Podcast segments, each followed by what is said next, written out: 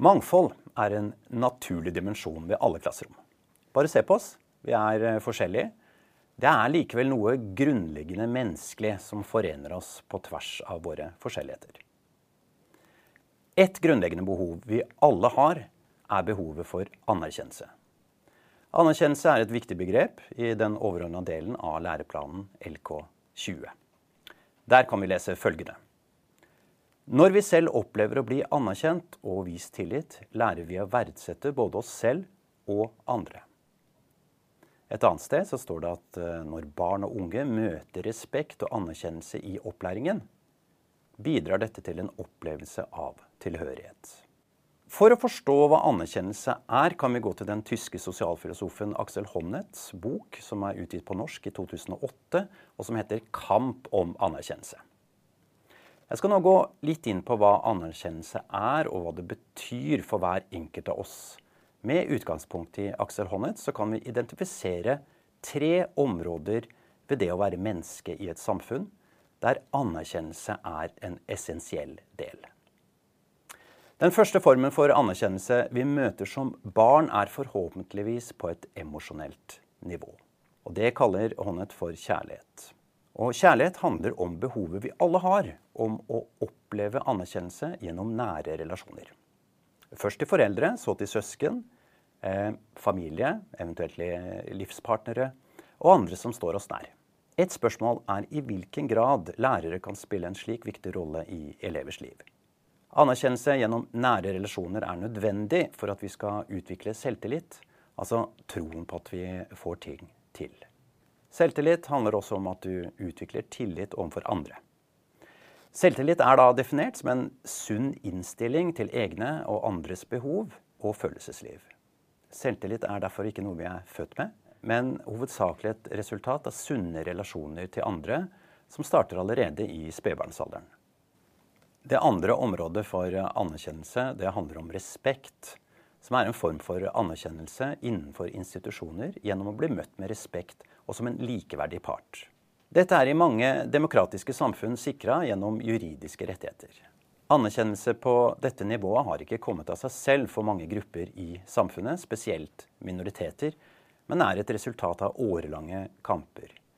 Søkende til anerkjennelse er altså en kamp for oss som enkeltindivider og for oss som medlemmer av ulike fellesskap i samfunnet. At du opplever å bli møtt med respekt i de institusjonene du deltar i, fra barnehage til skole og til eh, senere arbeidsliv, det er nødvendig for at du utvikler selvrespekt og det vi kaller for moralsk ansvar. Å oppleve å bli behandlet som likeverdig part gjør at du ønsker å behandle andre også på en likeverdig måte og på en respektfull måte. Det du gjør mot andre, det gjør du også på en måte mot deg selv. Det tredje området handler om ytelse som er en form for anerkjennelse i samfunnet gjennom å kunne bidra i fellesskapet ut fra individuelle egenskaper og kapasitet. Dette er nødvendig for å utvikle det vi kaller for selvverd. Altså du opplever at samfunnets verdier langt på vei er dine egne, og at du har en verdi, altså en rolle å spille i samfunnet. Som en konklusjon da, så kan vi si at anerkjennelse på disse tre områdene bidrar til en sunn identitetsutvikling og selvrealisering. Vårt behov for emosjonell, kognitiv og sosial anerkjennelse er så sterkt at vi omtrent er villige til å tro på hva som helst eh, for å oppleve å bli anerkjent. Hvor går vi hvis vi ikke får anerkjennelse der vi er? Mangel på anerkjennelse kan være med å forklare hvorfor noen har behov for å bli en del av ekstreme fellesskap som står på siden av samfunnet ellers. F.eks. nynazistiske miljøer eller uh, ulike ekstreme religiøse sekter. Hvordan er så en anerkjennende pedagogikk i skolen? Hvordan ser den ut? Eller hvordan er mangel på anerkjennende pedagogikk? La meg illustrere dette ved hjelp av en uh, autentisk samtale fra et klasserom som er publisert av Mona Nordgren i en artikkel fra 2016. Og eh, når jeg skriver minoritetsspråklig elev her, så menes elever som har et annet språk enn norsk som sitt førstespråk. Lærer. Nå skal vi se litt på hva som er fast stoff. Kan noen si hva fast stoff er? Minoritetsspråklig elev 1. Saft. Lærer. Saft er ikke fast stoff, det er væske. Minoritetsspråklig elev 2. Væske, er, er ikke det noe damer bruker? Elevene ler. Lærer. Nei, nå snakker vi om naturfag. Er det noen som kan svare på hva fast stoff er? Elev 3. Stein er fast stoff. Lærer. Takk, så fint. Hvis vi legger godviljen til og vi prøver å forstå hva de to minoritetsspråklige elevene her mener, hvorfor svarer de som de gjør? Hvis vi går litt eh, dypere inn på det, hva kan vi se da? F.eks. dette med saft. Kan det være at eleven her sammenblander saft og fast? Det får vi ikke vite fordi læreren ikke spør videre. F.eks. kunne læreren sagt noe sånt som Sa du saft? Eh, hva mener du her? Saft kan jo også være en form for fast stoff i fryst tilstand. Så helt feil er det jo ikke å si saft. Og hva med det andre her med væske? Altså eleven svarer væske. Hm, er ikke det noe damer bruker? Altså I utgangspunktet så er jo det riktig. Her kunne kanskje læreren sagt eh, noe sånt som eh, så bra. Så bra at du sa det, for det viser jo at væske har flere betydninger. Men i denne sammenhengen snakker vi ikke om væske i betydningen noe vi kan ha ting i. Da eh, ville læreren samtidig eh, gitt elevene en mulighet til å utvide sin forståelse. Nordgren eh, konkluderer med at observasjoner foretatt i to naturfagsklasser viser at læreren ikke inkluderer mangfoldet av stemmer. Læreren avviser ofte ubevisst elevsvar som har et potensial i seg til å fremme diskusjon og utdyping.